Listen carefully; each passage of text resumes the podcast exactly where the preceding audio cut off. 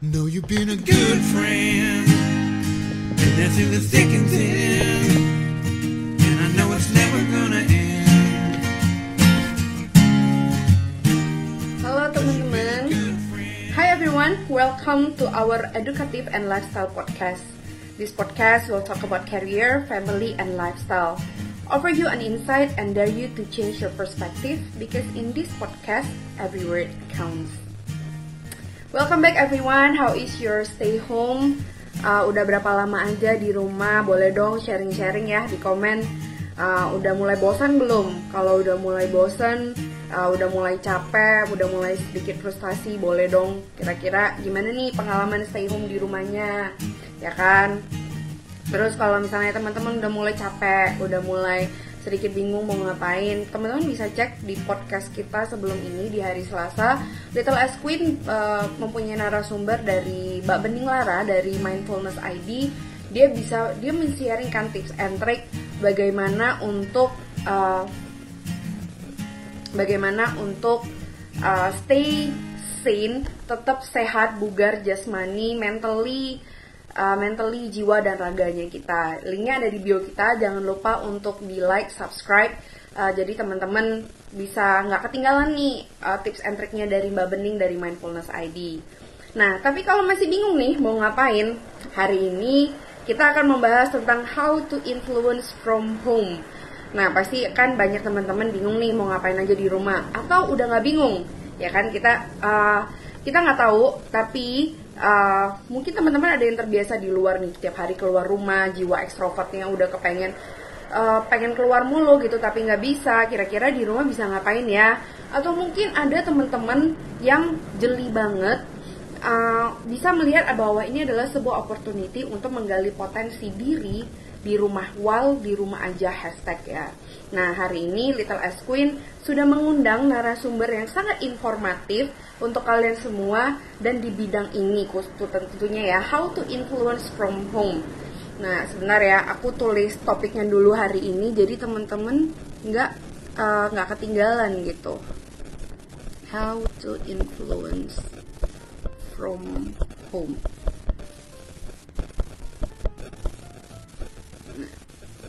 Kita pin dulu oke okay. nah hari ini kita mau mengundang narasumber kita hari ini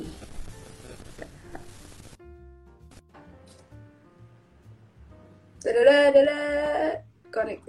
Hai. Hai. Hai Dev. Hai Tere, apa kabar?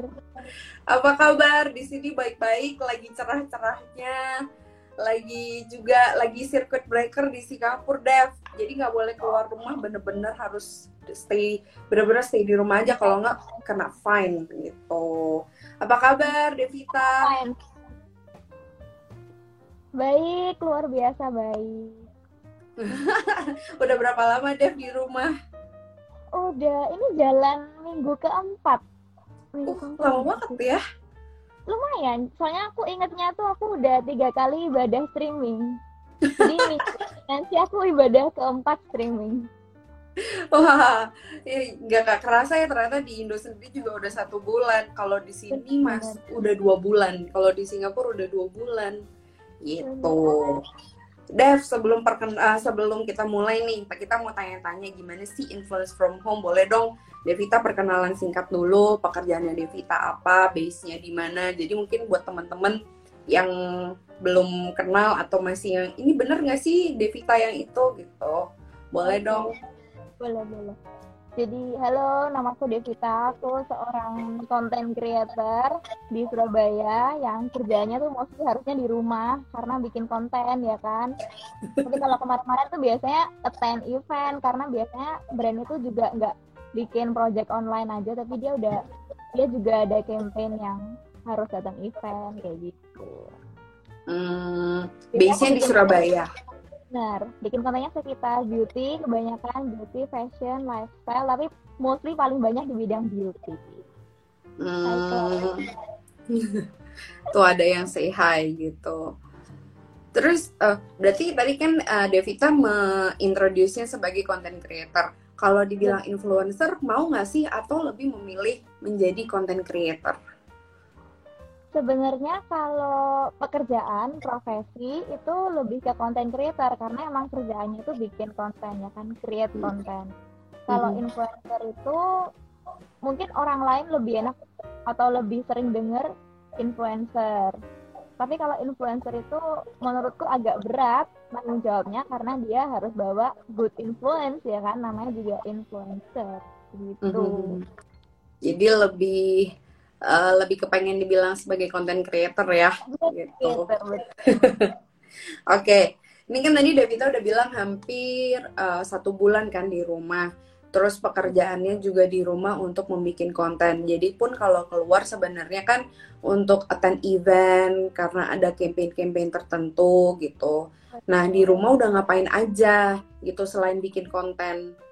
banyak Ke- kebetulan untungnya kerjaanku ini masih tetap jalan karena aku tetap ngerjain deadline ya kan? Jadi deadline tetap ada dan harus dikerjakan campaign tetap jalan project.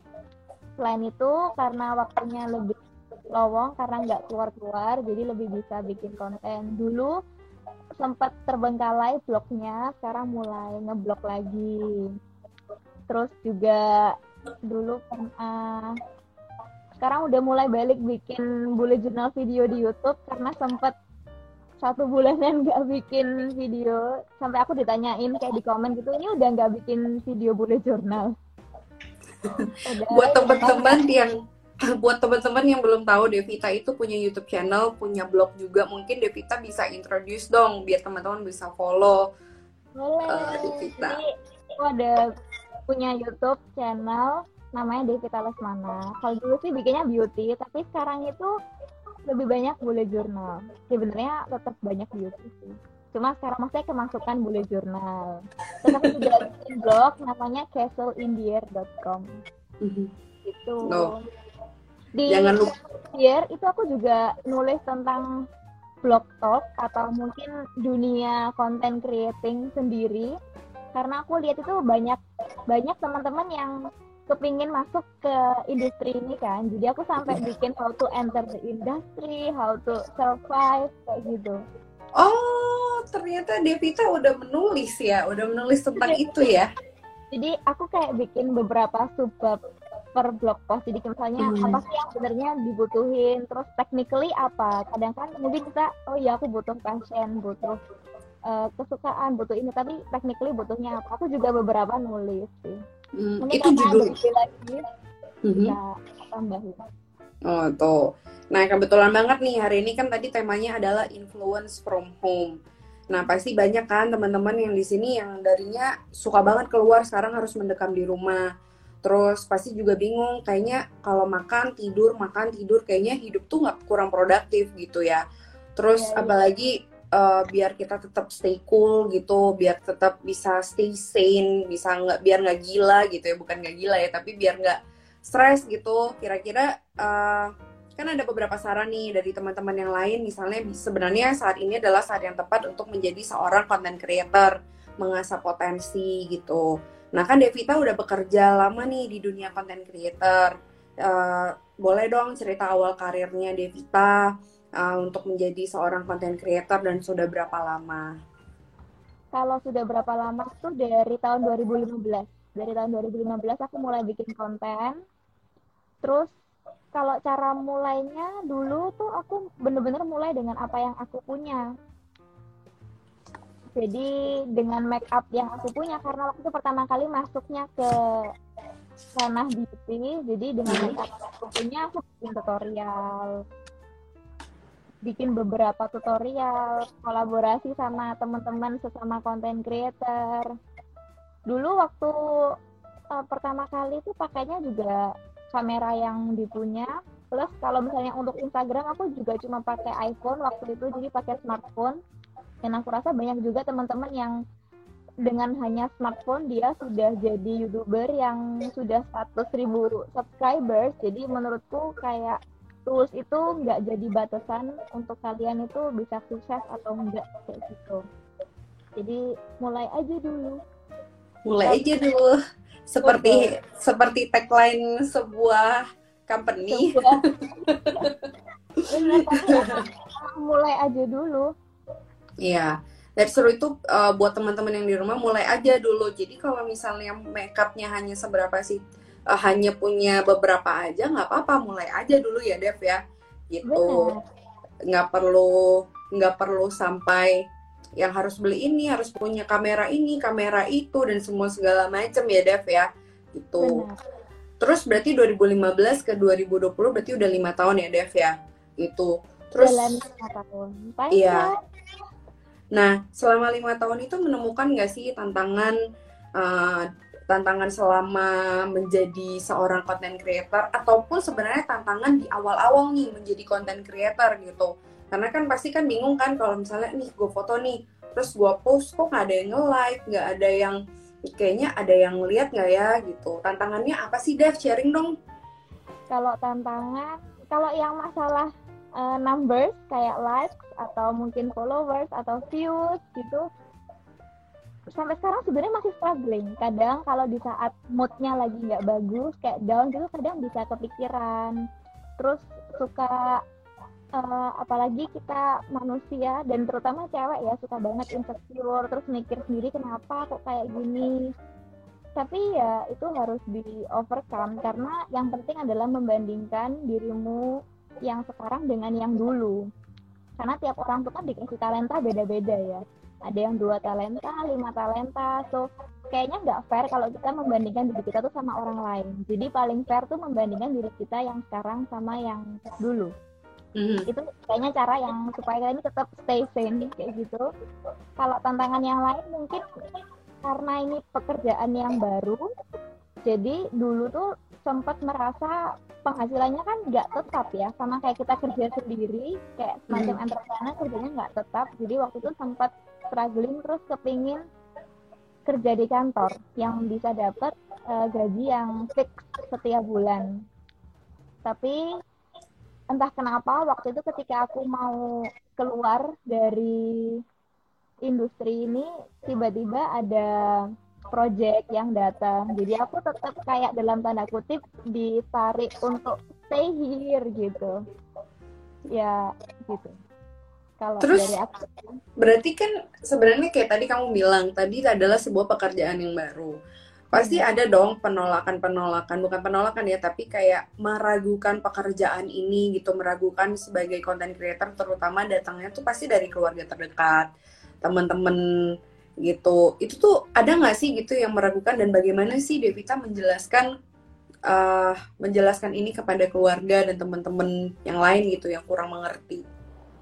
Sebenarnya aku sangat bersyukur banget karena temen-temen aku dan keluarga tuh sangat-sangat suportif. Bisa kayak like 100% support. Jadi bukan yang ini pekerjaan apa tapi kalau orang luar yang bener-bener nggak tahu itu biasanya mereka bingung. Jadi dulu banget itu aku waktu pertama kali ditanya pekerjaannya tuh apa aku jawabnya interior designer.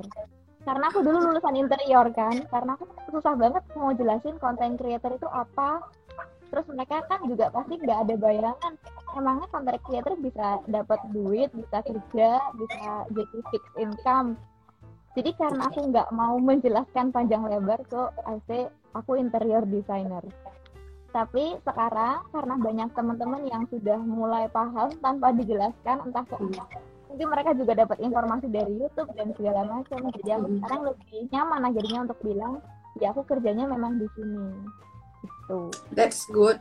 That's good. That's good to know kalau ternyata keluarga juga support gitu. Karena kalau aku baca-baca yang lain tuh banyak banget yang kurang setuju gitu. Content creator apa ya? Banyak banget dari awal yang uh, keluarganya tuh kurang menerima gitu. But that's good to know. Terus Dev kan uh, dari awal berarti Devita kan sudah memutuskan untuk menjadi beauty uh, content creator ya, content creator di dalam bidang beauty. Itu kenapa gitu? Apakah uh, memang passionnya di sana kah atau memang uh, sebenarnya kepengen nyoba-nyoba dulu sebenarnya cuma jatuh cintanya dari awal udah udah itu udah di beauty. Kalau sebenarnya aku juga bingung sih kalau aku harus ingat-ingat ya kenapa kok aku bisa terjunnya ke beauty. Jadi waktu itu tuh karena aku ikut lomba YouTube semacam Asian Next Top Model tapi ini YouTube Next Top Model gitu ya. Ada, ada sorry Asian Next Top YouTuber. Nah itu tuh dibikinnya sama brand beauty. Jadi yang support adalah brand beauty kebetulan. Sampai akhirnya aku masuk ke suatu komunitas uh, beauty vlogger se Indonesia. Jadi akhirnya aku mulai uh, terjun ke dunia beauty. Jadi dulu tuh awalnya aku juga baru mulai belajar makeup ya pas kuliah-kuliah nggak nggak ngerti sama sekali. Jadi lihatnya juga dari YouTube atau tidak dulu awalnya juga aku merasa maksudnya aku apa capable gitu jadi beauty vlogger? Aku nggak gitu ngerti tentang beauty. Tapi yang aku sadari kenapa kok orang tuh bisa lebih apa ya punya bonding sama youtuber daripada kalau kita bi bisa bilang artis ya karena kita kalau lihat artis tuh dia kan kayak semacam udah perfect dari sananya. Kulitnya udah bagus. Kayak dia mau pakai produk apa aja tuh bagus. Tapi kalau misalnya youtuber itu kan notabene kita orang biasa nih youtuber yang punya masalah kulit yang dialami sama kebanyakan orang sama netizen. Misalnya ada orang yang kulitnya extremely dry sangat-sangat kering banget. Itu biasanya nggak kita ketahui dari seorang pribadi artis. Nah, kalau youtubernya dia biasanya lebih open. Jadi kulitku ini extremely dry dan this is how I fix it. Ini kayak skincare rutin aku yang aku pakai supaya kulitku ini membaik. Entah itu berhasil atau enggak, ya tetap membantu kan buat viewernya. Kayak gitu. hmm. gitu. Jadi itu yang bikin aku kayak oke, okay, jadi aku nggak harus jadi expert di bidang beauty vlogger untuk jadi orang yang bisa bantu orang lain gitu kan kamu nggak harus ada di titik yang atas banget sampai kamu hmm. aku baru bisa bantu orang nih di hmm. titik ini kamu juga bisa bantu orang kayak gitu small step ya berarti sebenarnya gitu yeah. untuk bisa membantu orang lain gitu gitu. Terus interesting nih Dev, kan kamu bilang berarti tadi tuh kamu harus mencari tahu karena kamu bukan expert, uh, kamu juga harus setiap hari mengasah uh, mengasah talenta kamu dong pastinya dan mengasah potensi-potensi kamu. Pernah stuck nggak sih gitu sebagai selama lima tahun ini untuk menjadi seorang content creator? Pernah stuck nggak sih gitu dan how uh, what what do you do gitu? Apa yang kamu lakukan untuk kamu untuk stay kreatif gitu, untuk stay membuat konten? harus belajar. Jadi kebetulan aku tuh orang yang suka belajar hal yang baru dan sekarang platform untuk belajar itu sangat mudah. Dari YouTube aja for free kita bisa dapat banyak hal. Aku juga belajar banyak dari YouTube. Nah sekarang malah waktu lagi adanya virus ini semakin sering di rumah aku sekarang ambil dari kayak subscription subscription di Skillshare. Pernah dengar nggak Skillshare? Semacam kalau kalau ada di Indonesia tuh lagi booming banget ruang guru untuk bimbel anak-anak sekolah. Uh-huh. Dia juga bikin satu uh, website lain namanya Skill Academy itu lebih ke uh-huh. untuk semacam seminar online. Dia kayak kasih beberapa materi misalnya tentang anything ya, financial, financial uh-huh. planning, SEO. Nah ini Skillshare ini versi yang orang Barat punya, yang luar negeri punya tapi kalau di skill academy itu setahu dia bayarnya per kelas per seminarnya. Tapi kalau di Skillshare ini dia kayak subscription gitu. Jadi dalam satu bulan kamu bisa belajar banyak hal. Mungkin kalau buat teman-teman yang lagi nggak tahu kehabisan ide ngapain lagi di rumah kalian mungkin bisa belajar. Jadi kayak kalian anggap selama periode virus kita harus di rumah aja ini untuk kayak retreat gitu. Kalau kalian hmm. tahu kita biasanya retreat itu karena kita stres banyak banyak masalah kerjaan dan segala macam kita mundur dikit untuk maju banyak langkah jadi mundur sedikit langkah so we we're gonna come back stronger jadi mungkin kita bisa belajar banyak hal waktu saat-saat sekarang terus bisa di-apply nanti di kerjaannya kita ketika semuanya udah back to normal. Quote of the day banget ya itu Dev ya. Terus pernah stuck nggak sih? Tadi belum sharing tuh. Pernah stuck oh, nggak oh, iya. sih? Uh, kalau stuck itu pernah sih. Jadi kayak misalnya bingung mau bikin video apa lagi. Terus kok kayaknya ngeditnya juga kayak gini-gini aja ya itu akhirnya aku kembali untuk kayaknya berarti aku harus belajar waktu itu aku sempat uh, belajar tentang bullet journal kan aku juga nggak tahu kenapa bisa masuk ke bullet journal karena aku tuh suka cari apa ya kata baru, term baru yang biasa aku googling gitu, tiba-tiba nemu aja yang tentang bullet journal ini terus aku pelajarin dan kayaknya ini fun, menarik. Terus aku mulai bikin konten dan ternyata uh, banyak yang suka itu aku juga kaget. Jadi waktu itu aku sempat stuck di per YouTubean ini karena aku merasa kontenku itu itu aja. Terus aku juga punya number of followers nggak naik-naik.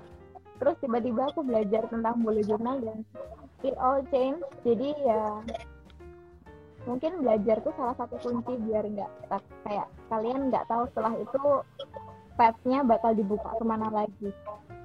Setuju sih belajar itu karena uh, belajar itu nggak pernah stop dari cuman sekolah doang, tetapi sebenarnya belajar pelajaran kita belajar banyak itu justru ketika kita sudah lulus dari kuliah, lulus dari sekolah, justru sebenarnya kita banyak belajar kayak misalnya aku gitu uh, aku pun belajar tentang membangun sebuah bisnis, membangun uh, sebuah brand itu tuh waktu di kuliah itu nggak di nggak diajarin bagaimana gitu. So everything is a try and error ya, trial and error gitu. Jadi kayak Betul.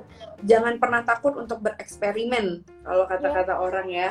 Jangan pernah takut untuk bereksperimen, jangan pernah takut untuk apa ya dibilang kalau dibilang jelek, kayaknya lu nggak nggak kata-kata yang negatif gitu. Itu tuh diterima tetapi tidak usah terlalu dimasukin perasaan ya Dev ya gitu. Tetapi ya, jadi karena itu menjadi sebuah motivasi gitu untuk teman-teman untuk bisa ini satu langkah lagi nih kayaknya ada sesuatu yang harus aku improve gitu. Suka sesuatu hal yang baru gitu. Itu penting banget kayak kata-kata Devita. harus harus suka sama hal yang baru. Dan aku juga bersyukur aku suka banget belajar hal baru. Dan aku merasa di dunia ini tuh kayaknya nggak akan nggak akan ada habisnya untuk dipelajarin. Jadi pasti ada hal baru lain lagi yang harus dipelajari. Oke. Okay. uh, uh, sharing dong gitu tentang apa uh, gimana sih kira-kira untuk bikin konten? Tadi kan udah bilang nih misalnya dari beauty semua segala macem. Uh, kira-kira ada ide lain nggak nih buat teman-teman yang di rumah? Misalnya ngapain lagi ya gitu bikin konten itu nggak harus beauty kan tetapi ada misalnya yang lain. Oh yang pasti dari apa yang kalian suka sih jadi misalnya suka masak kalian bisa bikin tutorial masak atau mm -hmm. kalian bisa review toolsnya pancinya yang ini yang kurang oke okay nih kalau dibuat masak ini kalau ini tuh bagusnya buat ini mungkin kalian yang lebih ngerti kalau mm -hmm. kalian ngerti di salah satu hal kalian juga bisa mm-hmm. share itu nggak harus di YouTube kalau formatnya bikin pusing di story juga bisa sekarang tuh udah dipermudah banget kan buat sharing. Jadi kalau mau jadi content creator menurutku ini udah sangat membantu toolsnya tinggal dipakai aja. Betul betul banget sih itu. Terus kalau misalnya menjadi content creator itu sebenarnya itu bakat atau sebenarnya sebenarnya bisa diasah gitu Dev? Menurut pandangan seorang Devita. Uh, kalau aku bilang mungkin both ya. Jadi antara talent dan harus hmm. dilatih. Hmm. Soalnya kalau pure talent merasa kayak orang ini cocok banget ya jadi youtuber misalnya. Kalau cocok banget jadi content creator, ya bisa. Tapi kalau kamu nggak melatih skill yang kamu punya, karena jadi content creator ini kan banyak yang harus dilatih menurutku ya. Karena kan jadi se sebagai seorang content creator tuh kerjaannya tuh banyak jobdesknya. Jadi jadi yang bagian kameramen iya, jadi yang editing juga iya. Entah itu editing video atau foto. Jadi yang nulis skrip juga iya. Jadi kan kalian juga mesti kayak akan kreativitas untuk bikin konten. Terus di bagian tentang beauty jadi kayak jadi talentnya juga iya. Jadi ada banyak banget yang bisa dilatih. Dan kalau itu nggak dilatih ya bakal jalannya di situ-situ aja. Kalau hanya berjalan dengan oke okay, aku punya talent aku mau jadi youtuber ya you can be. Tapi karena ini lagi banyak banget nih yang mau jadi content creator, kamu mm. bisa ketinggalan jauh menurutku. Mm-hmm. Gitu. Jadi ya harus ada passionnya, karena mm-hmm. tapi juga harus ada passionnya. Kenapa? Karena kalau menurutku ada orang yang mau masuk suatu industri industri ini tapi nggak ada passion well itu sebenarnya apply ke semua industri ya misalnya kalian mau jadi dokter di dunia kedokteran tapi nggak ada passion di sana karena kalian berasumsi pokoknya kalau jadi dokter uang itu pasti banyak nih. Jadi pure kalian cuma mau cari uang di industri itu tanpa ada passion it will be hard menurutku. Nah itu juga sama ke sini. Jadi kalau kalian nggak ada apa ya kesukaan di dunia ini tapi memaksakan karena merasa kayaknya kok enak ya ada di sini itu juga bakal susah. Jadi kalian Hmm. butuh dua butuh kesukaan passion atau talent kalian bisa latih juga supaya jalannya tetap terus konsisten naik gitu itu sebenarnya sedang menjawab pertanyaan aku yang terakhir nih sebenarnya penutupnya tadi itu adalah sebenarnya tadi aku mau nanya what is the one thing yang must have untuk menjadi seorang content creator apakah uh, tadi talent dan juga passion itu adalah a must have atau adakah hal yang lain nih Dev? Uh, salah ada satunya ya? konsisten selain passion terus harus suka belajar konsisten. Karena konsisten menurutku is the key. Mhm. soalnya aku lihat ada banyak teman-teman yang mungkin kelihatannya biasa aja tapi dia consistently bikin terus dia uh, mau berubah terus dari dirinya yang dulu. Dia mau make the better version of their themselves. Jadi akhirnya jalannya bisa kelihatan gitu kebuka konsistensi yang paling penting. Cara konsisten tuh yang paling susah sebenarnya karena aku tuh orangnya suka procrastinate actually. Nah, nah ya itu gimana tuh? Pasti pasti uh, jadi biasanya caranya adalah kalian harus ingat goalnya sebenarnya goalnya kalian ada di sini tuh mau ngapain mhm.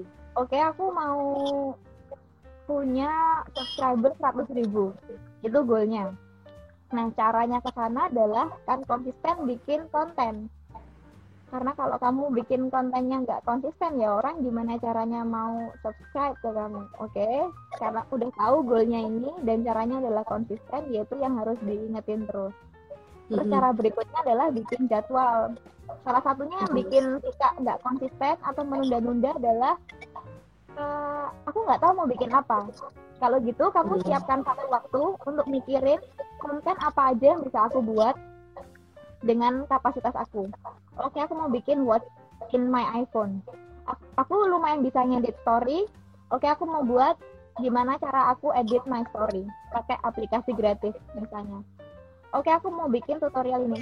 Se- setelah kalian eh, tumpuk semua idenya kalian mulai plan. Oke aku mau bikin seminggu sekali aku mau filming misalnya. Jadi aku mau minggu ini bikin konten tentang ini. Minggu ini bikin konten tentang ini. Kalau sudah ada jadwalnya probably kalian bisa lebih semangat untuk bikin konten. Selanjutnya mungkin kalau kalian kerja di rumah kalian bisa bikin spot untuk filming. Udah di set semuanya Mhm. kalau kalian bikin itu sportnya comfortable itu juga bisa jadi trigger biar kalian semangat bikin konten Mhm. semoga itu membantu Yes, planner ya. Kalau teman-teman butuh planner, jangan lupa shop di Little S Queen. Tadi ada yang nanyain apa Ada ya? Gak kelihatan. Co- Coba kita lihat konten-konten. jual apa oh ada rencana jual notebook jurnal nggak sebenarnya waktu itu Mhm. kita sempat ngomong ya nggak sih Iya, kita sempat ngobrol. Kita sempat ngobrol pengen project kolaborasi untuk bikin bullet journal. Nah, Iya, Tapi sempat ke pending. Sebenarnya kita juga ada rencana itu kan, Dev. Eh, apa? benar. Bikin workshop di Jakarta. iya betul Iya, sebenarnya tuh kita tuh udah ada beberapa plan, tetapi karena karena ada kondisi ini, jadinya kita harus postpone. Sebenarnya nggak postpone sih, sebenarnya abis gini ada rencana pengen bikin online. Nah nanti, wow iya nanti kita bikin online. Nah nanti kita, antar kita ngobrol ya Dev ya, gitu. oke Nah, untuk bikin jurnalnya barengan sama Devita, teman-teman mungkin bisa kasih suggestion gitu kira-kira mau notebook yang seperti apa gitu. Jadi kalau semua ini sudah berakhir, semoga kita rencana ini semua bisa berjalan dengan bergulirnya waktu gitu. Karena kemarin tuh sebenarnya udah siap gitu loh, Dev. iya, ya nggak apa-apa. Memang kita ini nggak bisa tahu gitu apa yang akan terjadi ya kan. 10% dalam hidupnya kita, tapi kita harus Betul. merespon benar. Betul. Untuk teman-teman di sini yang belum tahu Little S Queen itu apa, uh, aku jelaskan sedikit. Little S Queen itu is a social entrepreneur platform di mana uh, kita peduli, kita care dengan mental health through journaling. Kita percaya kalau dengan journaling itu sebenarnya bisa meningkatkan dan bisa menyembuhkan keadaan mental kita, keadaan psikis kita yang misalnya lagi stres, lagi depresi. Itu secara penelitian, secara psikologis itu semua dapat membuktikan bahwa dengan menulis sebenarnya itu dapat menyembuhkan gitu. Nah, produk-produk kita apa aja? Banyak produk kita uh, kita ada workshop bareng sama Devita juga. Terus kita juga ada planner, kita juga ada notebook. Uh, notebook kita juga ada bullet journal, ada productivity notebook, itu ada blank journal. Sementara untuk sementara hanya ada itu. Uh, tetapi ke depannya kita akan berkembang lebih banyak. Yang pasti kalian harus beli karena kalau beli itu akan dapat memberi uh, membuat kita jadi bisa oh berkreasi lebih banyak gitu. Dan kita membuat produk-produk yang lebih praktikal, uh, lebih berguna buat teman-teman dan kesehariannya. Gitu. Gitu. Terus sekarang kapan nih upload upload uh, buat video terbarunya? Kapan Dev? Uh, boleh dalam minggu ini ya. Sepertinya mulai tertekan. Semoga. Udah udah filming sih, cuma belum diedit. Itu, iya. Jadi kalau teman-teman yang belum subscribe, please subscribe Devita Lesmana. She's very good at the, she's very good at the bullet journaling. So make sure to stay tuned. And she's very informative. That's the most important thing. She's practical but informative. Ya. Yeah dan sebenarnya kita juga hari sebenarnya kita juga ada rencana untuk rekaman minggu ini atau minggu depan ya kayaknya ya sama iya. Merdeka FM kan? Iya kan? Itu juga ya? Uh, uh, di postpone semuanya gitu. Jadi ya hopefully hopefully everything will be alright will be cepat selesainya. Dan terakhir nih buat teman-teman yang lain yang lagi mau di rumah kasih semangat dong. Uh, kira-kira apa ya uh, kasih semangat buat teman-teman yang di rumah untuk tetap berkarya, untuk tetap uh, jangan putus asa. Semangat buat teman-teman yang di rumah aja.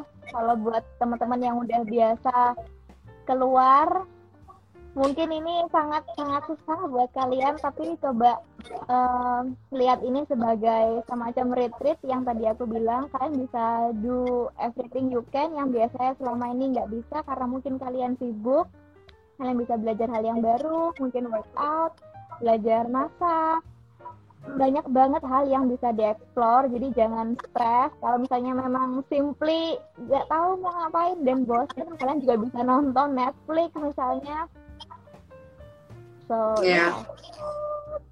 Semangat teman-teman, you're never alone. Uh, semua the whole world is uh, fighting uh, for a better life, for a better future. So never be afraid, jangan pernah takut. Yang penting kalau teman-teman merasa tidak enak, merasa tidak nyaman dengan keadaan sekarang, kalau dengan ada kondisi-kondisi tertentu, please reach out ke uh, teman-teman uh, ke lembaga-lembaga yang memang profesional di bidangnya. Banyak kok sekarang teman-teman psikologis yang masuk di bidang dunia online gitu. Betul, buat teman-teman buat teman-teman yang misalnya bingung mau ngapain tadi seperti Devita bilang bisa masak, bisa belajar. Ini kesempatan untuk menggali potensi teman-teman di rumah aja gitu. Jadi kalau merasa selama ini teman-teman kayaknya hidup gue nggak ada nggak berarti gitu jangan seperti itu saat inilah saat yang tepat untuk kalian membuka uh, peluang buat diri kalian sendiri opportunity untuk diri kalian sendiri untuk berkarya terus gitu thank you banget Dev. Hari ini sebenarnya hari ini sebenarnya cepet banget loh. Biasanya oh, iya? kemarin-kemarin kita bisa sampai 45 menit bahkan sampai 50 menit gitu. Hari ini kita cepet banget ya. Habis gini mau nggak ada, ada acara apa deh nggak ada sih. Di rumah aja. Ya, bikin konten terus ya. Oke okay deh, thank you ya Devita untuk menyempatkan waktu untuk sharing your journey with us. Uh, teman-teman, Devita punya channel tadi jangan lupa untuk di subscribe dan juga di follow.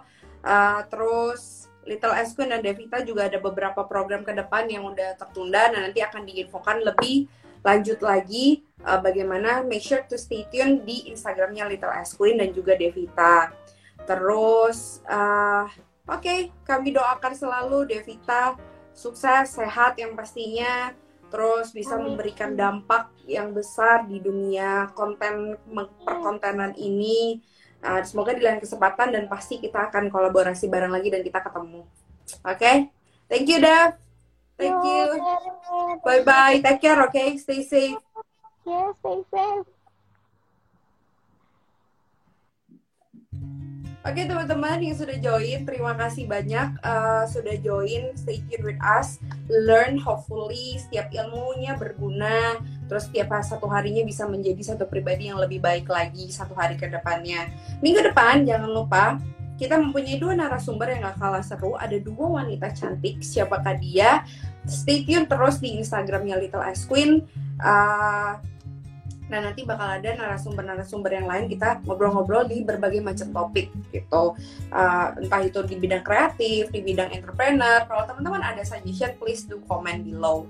Terus make sure to stay tune on our Instagram. Terus kalau lupa teman-teman, kita ada podcast yang kita sudah mempunyai dua narasumber sebelumnya. Kalau teman-teman lupa, kita ada podcastnya, linknya ada di biodata kita. Oke teman-teman, jangan lupa untuk shop di Little S Queen kita punya jurnal-jurnal terbaik dan meningkatkan produktivitas dan kreativitas kalian. Produk baru akan meluncur bulan depan dikarenakan uh, COVID ini. So make sure untuk new product is on the way. Kita bakal sharing it uh, sometimes di bulan ini juga. Mungkin di minggu ketiga kita akan sharing apakah produk terbaru itu. So make sure to stay tuned. Alright, thank you for journeying with us and loving this podcast. Don't forget to shop and subscribe this podcast and follow us in our social media page. Facebook, Twitter, Instagram at Little S Queen, or you can say hi personally uh, at my Instagram at Teresa Churchill. Remember always to give your best in every day, everything, and be kind to one another. Always. Stay safe, guys. I love you all. God bless. Bye.